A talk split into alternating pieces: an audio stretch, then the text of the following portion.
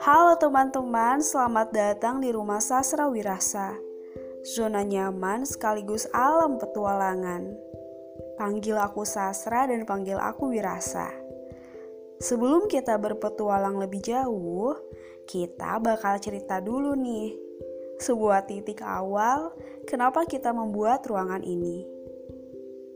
Alasan dasarnya sih untuk membabat habis waktu rebahan biar lebih produktif lagi.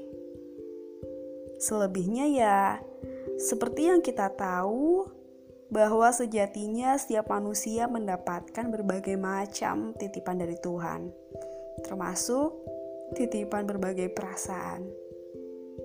Maka sastra wirasa sengaja hadir sebagai ruang untuk menampung dan mengelola berbagai perasaan manusia ke dalam kisah yang penuh keajaiban.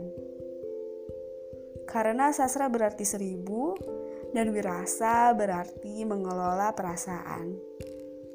Maka dari itu, mari kita bersama-sama berpetualang dan menyelami setiap rasa yang pernah hadir dalam diri setiap manusia. Terima kasih sudah berkenan mendengarkan. Selamat menikmati. thank you